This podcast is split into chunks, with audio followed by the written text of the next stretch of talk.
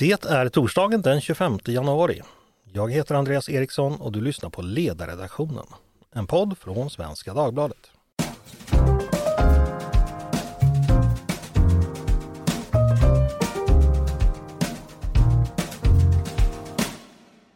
Varmt välkomna! Bör vissa hundraser förbjudas? Ja, det tycker bland annat den moderata riksdagsledamoten Fredrik Kärrholm som förra året lämnade in en motion om förbud mot avel och import av kamphundar och andra särskilt farliga hundar. Det här är inget nytt förslag utan något som har diskuterats i Sverige i flera decennier. Ett sånt här förbud finns också i Norge och Danmark. Bakgrunden är att ungefär 4 000 människor varje år behöver söka sjukvård för skador orsakade av att hundar har attackerat dem. Det vill säga drygt 10 människor per dag. De flesta av de här är förstås lindriga, men vi hör ju ibland om betydligt värre händelser. Många av er som lyssnar kanske har sett nyheten om den pojke som blev illa biten av en hund i Kortedala tidigare i år. En hund som tidigare hade attackerat två andra barn. Och I slutet av förra året attackerades ju också ett spädbarn av en hund. Sådana här händelser brukar följas av en debatt kring hur man ska säkerställa att liknande saker inte ska ske i framtiden. Regeringen gav i fjol Statskontoret uppdraget att utreda hur länsstyrelsernas och Polismyndighetens verksamhet för att skydda omgivningen mot farliga hundar fungerar. Och det är ett uppdrag som ska redovisas i februari. Vi kan konstatera att det är alldeles för många som skadas av hundar varje år. Det är viktigt att myndigheterna har rätt verktyg i sin verktygslåda för att kunna skydda omgivningen mot skador som hundar kan orsaka, sa landsbygdsminister Peter Kullgren då. Hundattacker kan i sällsynta fall leda till fruktansvärda konsekvenser. Sådana fall har ökat. Enligt dödsorsaksregistret har antalet människor som dör till följd av hundattacker ökat från ungefär ett fall vart tredje år till två, tre fall varje år. Så vad ska man då tänka och tycka om detta? Är ett förbud mot vissa hundraser rätt väg att gå? Eller finns det andra och bättre sätt att lösa frågan?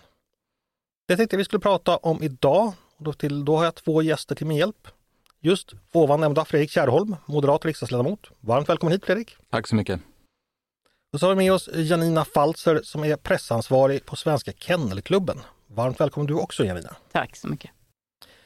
Jag ska börja direkt säga att ni kommer behöva hjälpa mig och de av lyssnarna som inte är så hundkunniga. Eh, för jag misstänker att det är en hel del här som behöver redas ut. Och jag är själv, eh, ja, jag är inte så kunnig i frågan, det kan jag direkt säga. Eh, vi ska förstås prata om Fredriks konkreta förslag, men innan dess ska vi, vi backa bandet lite så alla hänger med. Om vi börjar väldigt enkelt så att även vi icke hundmänniskor förstår. Som jag sa inledningsvis så skadas ju eh, eh, ett visst antal människor av hundar varje år några fall eh, faktiskt så hemskt så att det får en dödlig utgång. Varför skadar hundar bland människor? Går det att säga något generellt om sammanhang och situationer där de här sakerna kan ske, Janina? Jag skulle säga så här att när hundar försätts i situationer där de inte kan ta sig ur på något annat sätt, alternativt att de har behandlats på ett sätt så att det har triggat någonting i dem, då kan det här hända. Mm. Kan du ge ett typexempel eller exempel på vad det skulle kunna vara? Är, är det hundägare som, som har varit elaka helt enkelt? Eller vad, vad? Det kan det absolut vara och vi har också exempel på hundägare som vill ta fram den här typen av beteende i, hos sina hundar. Okej. Eh, Fredrik, jag nämnde lite siffror här i början och, och, som jag sa då, även regeringen har ju fångat upp det här. Olyckor i samband med, med, med att hundar attackerar människor. Hur allvarligt problem skulle du säga det, är bland alla våra andra problem? Ja, hur långt är ett snöre? Du nämnde ju här att det är de senaste åren ungefär tre dödliga attacker per år och det har skett en ökning från att det är en händelse ungefär var tredje, varannat år. Ehm, så att det finns ju ett problem att den här typen av dödliga attacker ökar och då är också ett rimligt antagande att det är så att säga toppen på en skadepyramid, att det även blir fler allvarliga eh, skador. Jämför vi också Sverige med till exempel England och sätter antalet döda i relation till befolkning och antal hundar så är det fler som eh, dör i Sverige på grund av hundar. Och många av de här skadorna drabbar ju också barn. Eh, och det får ju fruktansvärda konsekvenser även om barnet överlever. Det är små barn som får ansiktena vanställda som de får leva med resten av livet. Det är barn som får nedsatt mobilitet och inte kan springa ordentligt eller kasta en boll och delta i sport under resten av sin barndom. Så att jag vill mena att det här är ett fruktansvärt problem, stort problem. Men vi ska också komma ihåg här att det finns nästan 800 000 registrerade hundägare i Sverige. och över en miljon hundar. Så eh, det är ju i relation till det ett eh, litet problem, men ser vi då till konsekvenserna för de enskilda så är det ett problem vi behöver ta på största allvar menar jag. Mm. Bara kort Janina, spela in dig här. Eh, vad tänker du om problemets omfattning? Hur, hur, hur mycket ska vi bry oss om det? Så att säga? Mm. Eh, innan jag går in på problemet så vill jag bara påpeka när det gäller statistiken att även när det gäller dödsorsaker eh, så är det så att vi har alltså inte and, alltså skälet bakom varför människor dör. Det finns inte i statistiken. Och när jag har pratat med Socialstyrelsens statistiker så säger de att det, det, kan vara, alltså sannolikheten är att det till och med är sepsis som ligger bakom en del av fallen. Så att har hundattacker ökat och eh, dödar fler människor, alltså dödar hundar fler människor, det, vi har ingen statistik som visar på det, utan då måste någon forskare eller någonting annat gå tillbaka och titta på dödsregistret och se vad det är som orsakar. Sen kan vi dra slutsatser. Eh, vad, eh, vad, gäller din andra fråga som du gärna får upp, eh, upprepa nu eftersom jag eh, la ut texten ja, men, om det här. Vi har pratat så... om eh, ett visst antal människor, ett fåtal men ändå några dör, vi vet inte exakt hur, men, men det har att göra med hundattacker. Och de här, ett antal tusen skadas. Hur stort problem skulle du säga att det är? Alltså, ja. Rent generellt? Ja, tack för påminnelsen. Eh, det är ett problem. Det är ett problem, men det är främst ett problem för hundägare. Det är tragiskt och hemskt när människor attackeras, men det här är främst ett problem för andra hundägare och det är ett stort problem. Ja, det är ett stort problem. Okej, eh, det låter som man ska kanske inte tänka sig att det här främst drabbar så att säga ja, missförstå mig rätt, oskyldiga människor som råkar gå förbi en hund som blir påhoppad, utan det är de som handskas med hundar i, i vardagen så att säga, ofta. Det kan ju vara både och. Jo det förstår jag men, men ja. det är rätt på dig som det var vanligare att det, om man har, har hund nära så är, löper man större risk. så att säga. Ja, i, i och med att attacker på andra hundar eller att hundar ger sig på andra hundar, det är ett mycket, mycket större problem än att hundarna skulle ge sig på människor. Okay. Mm. Vi ska fortsätta med hundkunskapen, eh, för så mycket jag har begripit att det här handlar om, om vissa specifika raser. Och hundar eh, finns ju som alla vet i, i många olika raser, det ligger tiotusentals år av avel här. Eh, Janina, för oss icke hundkunniga, hur mycket skiljer, skiljer det sig egentligen olika raser åt när det gäller beteende? Mm. Då måste vi titta på vad du menar med beteende därför att när vi har avlat våra hundraser nu så har vi avlat efter funktion. Är det den formen av beteende, alltså är det det du menar, är det, hur ärftligt är det? Ja, det är naturligtvis jätteärftligt eftersom vi har avlat efter det. Alltså, eh, retrievers, de gillar att bära saker i munnen därför att det är det vi har avlat på. Men när det gäller mentala egenskaper, då är det ju en del alltså aggressivitet och såna här saker, då är det ju eh, en, ett samspel mellan arv och miljö.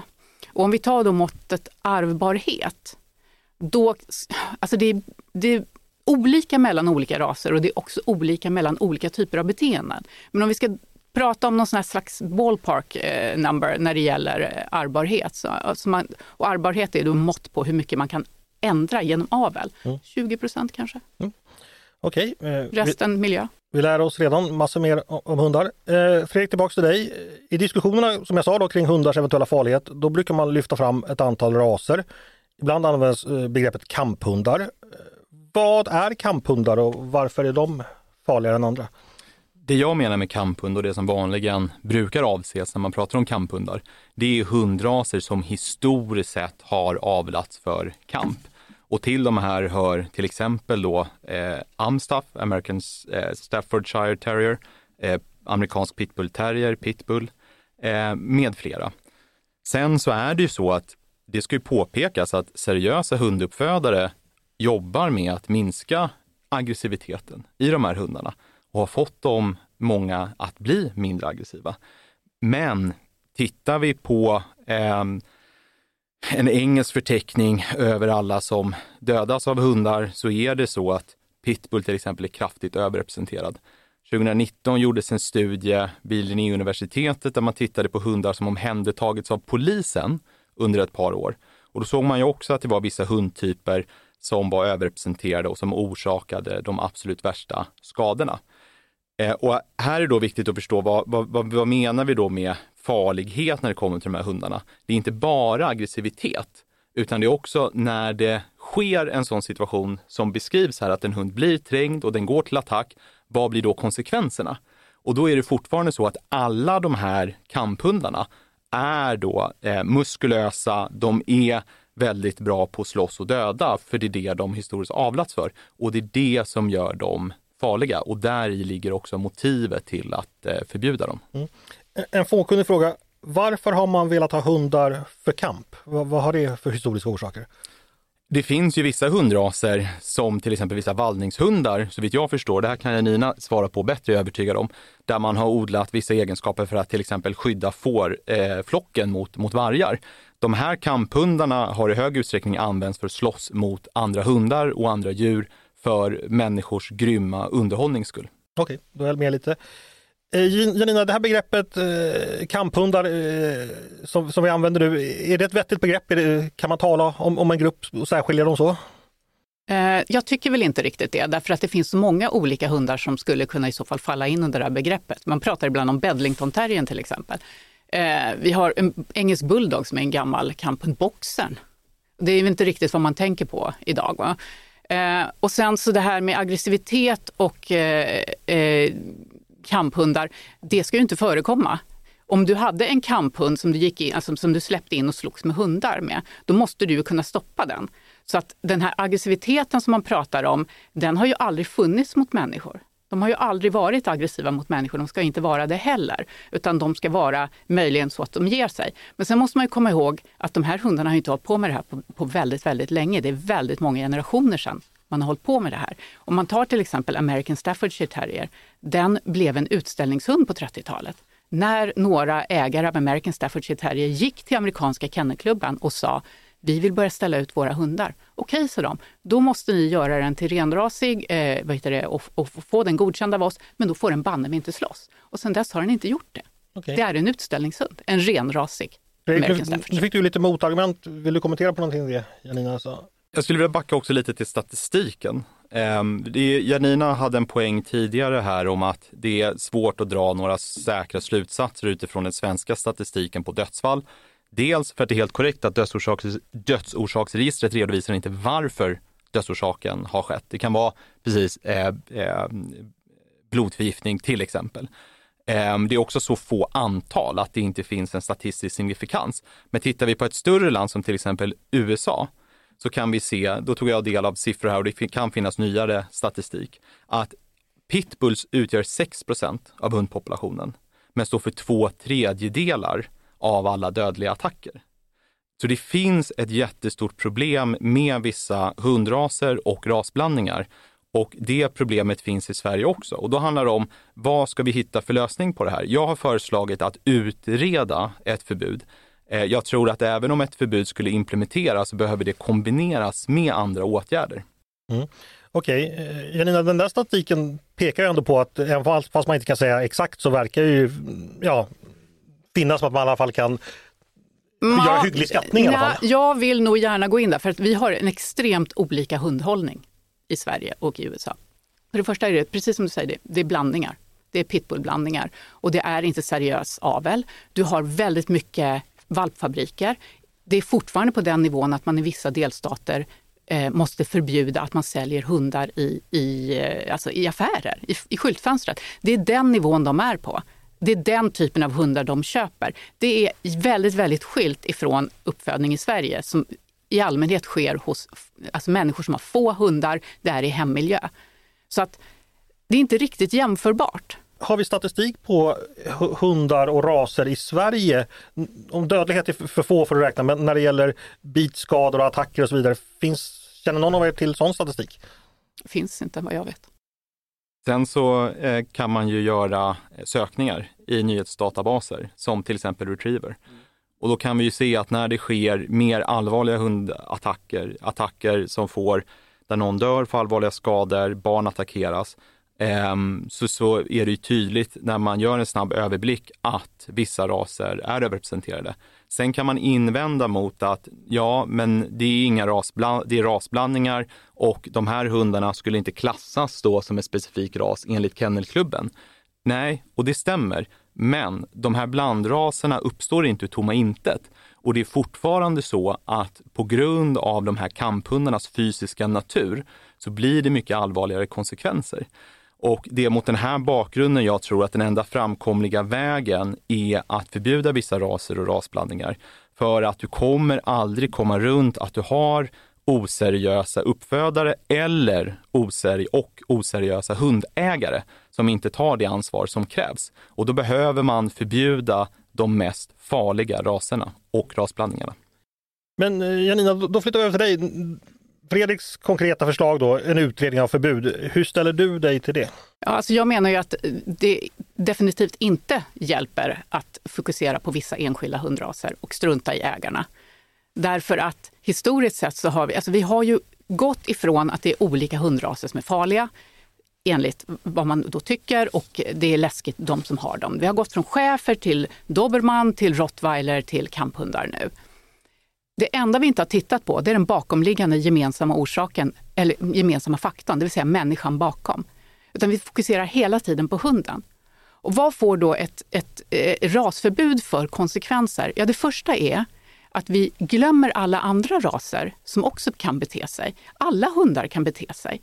Men om vi bara fokuserar på att förbjuda, låt oss säga några hundraser och inte blandningar, eh, eller blandningar mellan dessa, så glömmer du bort alla andra. Och om man tar till exempel i Norrland så har de inte särskilt mycket problem med kamphundar enligt deras länsveterinärer, utan de har problem med polarhundar och jakthundar, för det är det de har där uppe.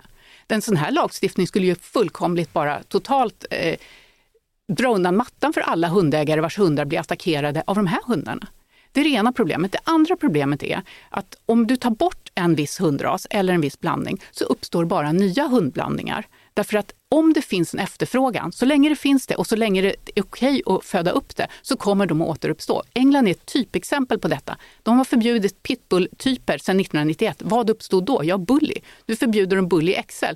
Nu diskuterar man vilken annan ras som ska komma istället. Så det kommer bara hela tiden nytt. Du får liksom inte bort dem där, utan du måste få bort de som, är, som upp, föder upp det här oseriöst och få bort olämpliga hundägare. Annars får du inte bort problemet. Det tredje är att ett hundförbud kommer bara att drabba de som är seriösa.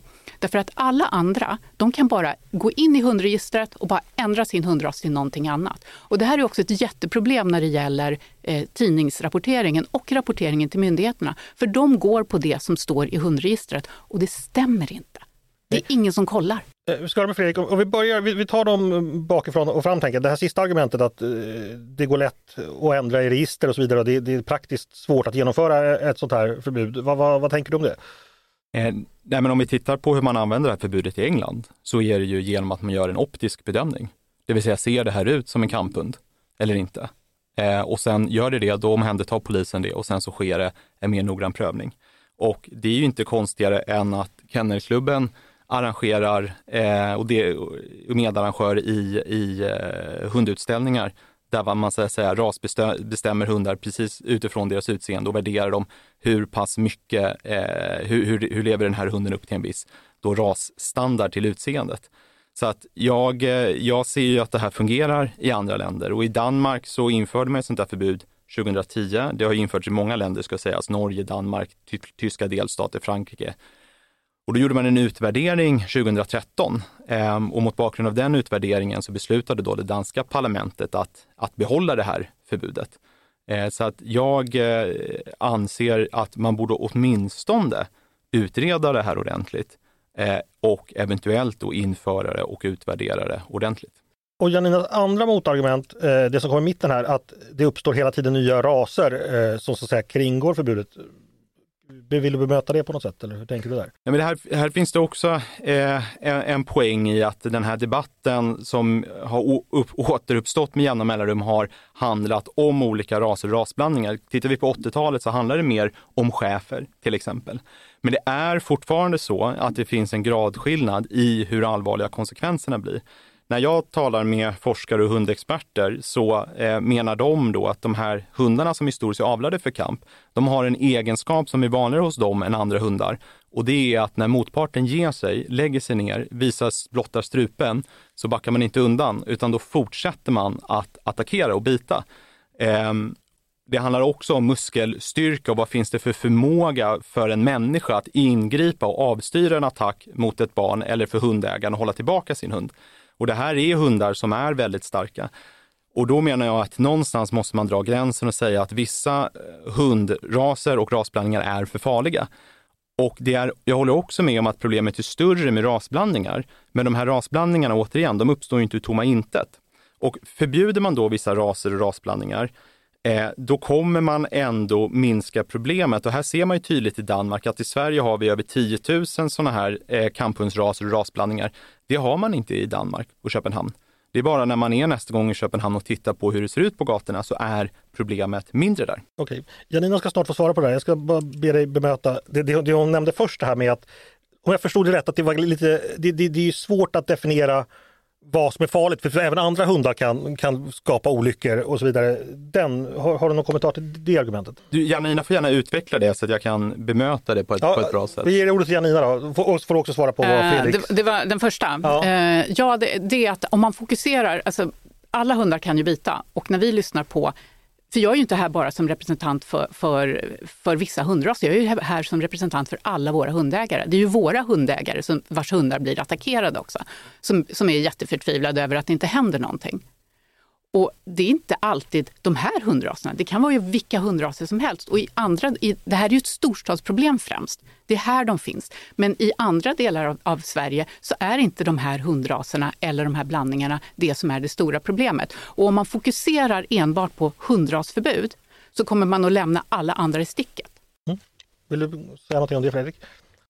Ja, men jag, utan att jämställa det här med brottsproblem, bara för att göra en pedagogisk jämförelse, bara för att vi så att säga, prioriterar och bekämpar väldigt eh, grova hänsynslösa skottlossningar i städerna så betyder ju inte det att man inte också kan motarbeta våldsproblem på landsbygden.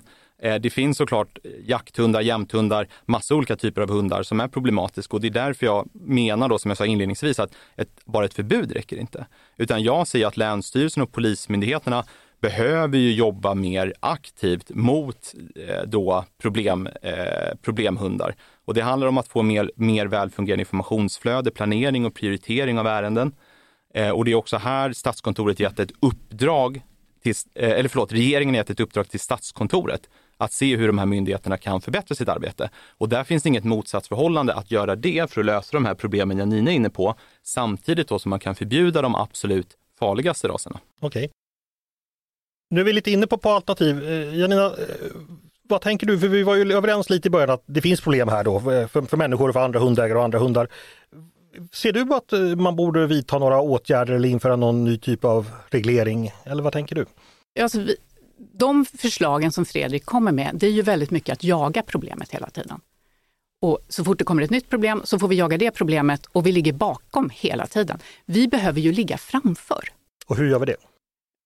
Vi måste, de här hundarna ska inte finnas överhuvudtaget. Inga av de här hundarna som håller på att attackera ska, ska finnas. Och då måste vi få bort den oseriösa aven. Det ska inte vara tillåtet att hålla på så. Och vi måste få bort de oseriösa ägarna. Och det första är lätt därför att EU-kommissionen har nu lagt ett förslag på obligatoriska eh, uppfödarregister i varje land.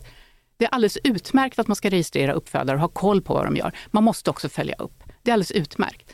Sen har vi eh, de olämpliga hundägarna. Här måste ju myndigheterna komma in väldigt mycket snabbare idag än de gör idag. För det är det folk ringer om. De anmäler och anmäler och det händer ingenting. Och det är vår förhoppning att Statskontoret ska komma fram till just det att man måste komma in tidigare. Polisen testar alldeles för få hundar idag. Om vi kan mentalt beskriva mellan 9 och 10 000 hundar per år, då borde polisen få möjlighet att testa mer än 50 farliga hundar per år. Det, här, det måste ske tidigare och eh, eh, alla hundar som, som, som liksom är inblandade i någonting ska ju naturligtvis undersökas och myndigheterna kommer in tidigare.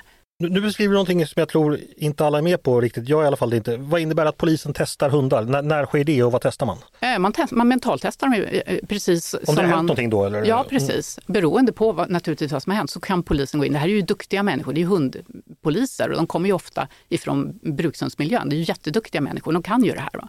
Och de testar ju också ofta på brukshundsklubbarna. Eh, och de testar, är den här hunden farlig? Kan den komma ut i samhället? Kan vi rehabilitera den eller går det inte?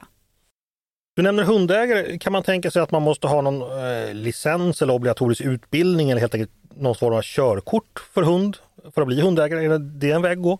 Alltså, det här har ju varit diskuter eh, diskuterats och eh, vi är principiellt inte emot. Det är inte det det är frågan om, utan vi undrar lite hur det ska gå rent praktiskt. Men jag kan säga så här att jag tror att alla våra eh, seriösa hundägare och hunduppfödare är villiga att Alltså, finns det någonting de kan visa upp för att och visa att de är seriösa och kunniga och att den här hunden inte är farlig på något sätt, då tror jag att de skulle vara villiga att göra det. Okej. Fredrik, nu, nu har vi diskuterat flera alternativ här, bland annat tidigare myndighetsingripanden, fler sådana och även att man skulle kunna då eventuellt genomföra någon form av screening inför hundägare. De förslagen, skulle de eh, uppfylla det du vill komma åt med förbudet eller, eller räcker inte det? Jag tror Janina har helt rätt i det här med att eh, länsstyrelserna och polisen behöver bli bättre på att hantera anmälningar som inkommer om hundar där, där, där då någon anmäler att det finns eh, problem. Det fungerar helt enkelt inte tillräckligt bra idag och där, där vill jag också passa på att berömma regeringen att man är på den frågan. Eh, sen det här med någon form av hundkörkort som det ibland kallas.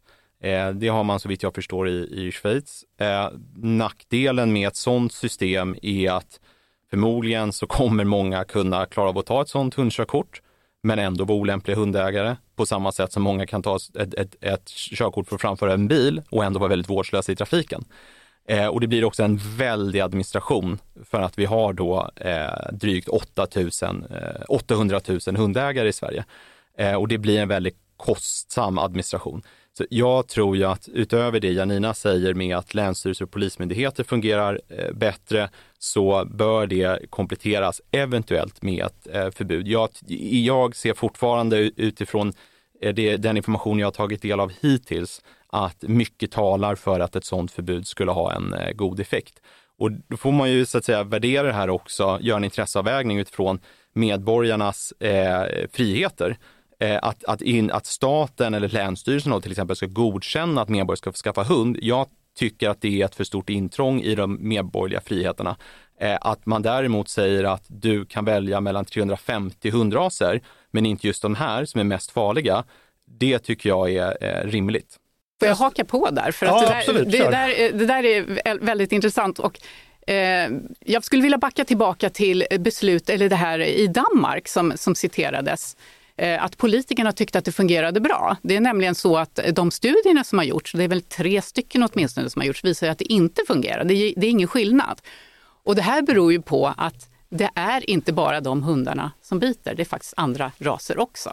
Och när man då skaffar fler av andra raser så kommer de, bara baserat på sin mängd, att bli mer frekventa i, i bitstatistiken.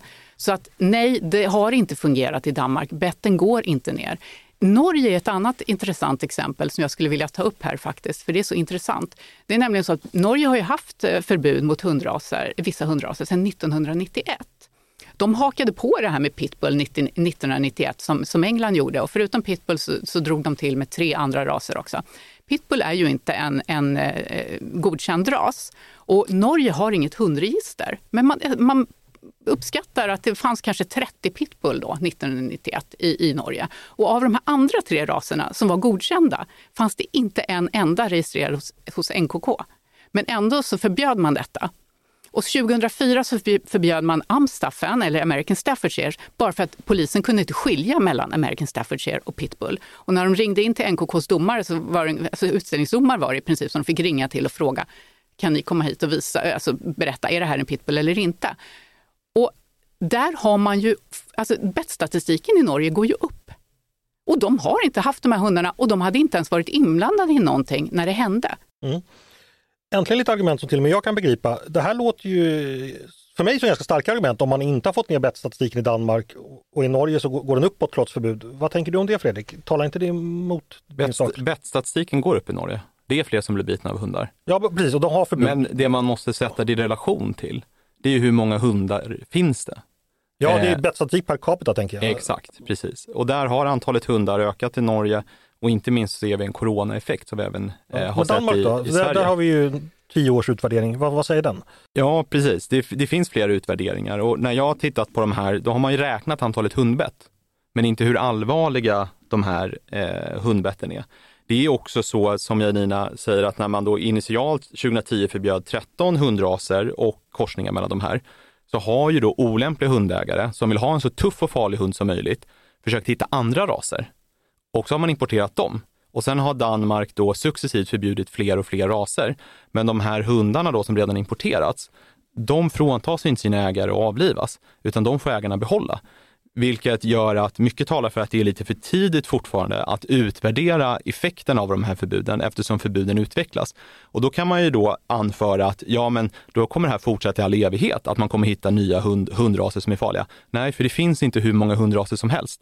Det är också så att när man försöker blanda upp de här hundraserna med andra hundraser för att komma runt förbudet, då minskar också problemet, för då blir konsekvensen att det blir mindre farliga hundar rent fysiskt.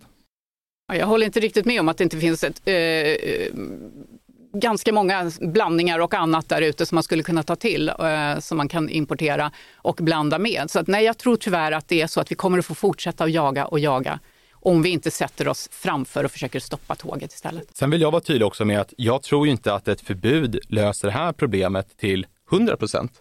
Men om det löser problemet till 80 procent eller 60 procent eller kanske till och med bara 40 procent så menar jag att det är eh, rimligt för att konsekvenserna är så allvarliga för de individer som eh, antingen dör i hundattacker eller får då livslånga men. Mm. mm. Och jag vill ju ha ett, eh, en lösning som får stopp på det till 100% så jag nöjer mig inte med 40 eller 60. Nej, men det gör inte jag heller, men jag menar att det behövs en kombination av åtgärder för att komma åt det till 99 för att vara realistisk. Och där tror jag förbud kan vara en av flera åtgärder. Men återigen, jag är också, det jag har föreslagit är ju inte att vi pang bom ska införa ett förbud imorgon, utan det jag efterfrågar, det är att man gör en ordentlig offentlig utredning och tittar närmare på fördelar och nackdelar. Okej, vi ska ta eh, sy ihop det här. Eh, jag, jag saknar kunskap att döma mellan er. Eh, som vi brukar göra i den här podden när, när eh, man har haft på motsatta åsikter så brukar jag ge er varsin liten avslutning, ni får säga. Då, och då tycker jag, tänker att Fredrik, du som vill förändra någonting då eh, och, och eh, Janina som står för liksom, den konservativa sidan som inte vill förändra någonting. Så, så om du bara börjar kort sammanfatta ditt budskap, vad du tycker lyssnarna ska ta, ta med sig från den här diskussionen som de viktigaste argumenten, så får Janina ta sen. Kan, kan vi göra så? Så börja gärna Fredrik. Nej, men det viktigaste argumentet är att det, hundar kan vara farliga. Ehm, och då måste vi förhålla oss till eh, människors rätt till att ha hund och de allvarliga konsekvenser som kan uppstå vid hundattacker. Och då är min poäng, om det finns över 350 hundraser att välja på när man har förbjudit de mest farliga, så tycker jag det är ett rimligt förbud sett till vad man kan uppnå. Sen vill jag bara avslutningsvis säga också att jag vill vara väldigt tydlig med att det handlar inte om att någon ska frånta sin älskade hund, utan det handlar om att den dagen man köper en ny hund så får man välja en hund av alla andra hundraser som finns. Och jag har också väldigt stor respekt för att det här är en personlig fråga. Jag har själv hund, en bichon frisé, så att det är inte så att jag tar den här frågan lättvindigt på något sätt, utan jag är väldigt mån om att titta på det här ordentligt och det är också därför jag är väldigt glad att ha en, en bra och saklig diskussion här i podden. Mm. Och Janina, slutord från dig. Vad, vad, tycker du det är viktigt att lyssnarna tar med sig från den här diskussionen? Um, det som jag skulle vilja, eh, för det första så jag blir jag lite besviken, eller jag vill inte riktigt tala med om att jag är konservativ, för jag vill också ha ändring. Jag vill absolut ha ändring på det här. Eh, bara lite annan ändring och jag vill gå in före, inte jaga efteråt.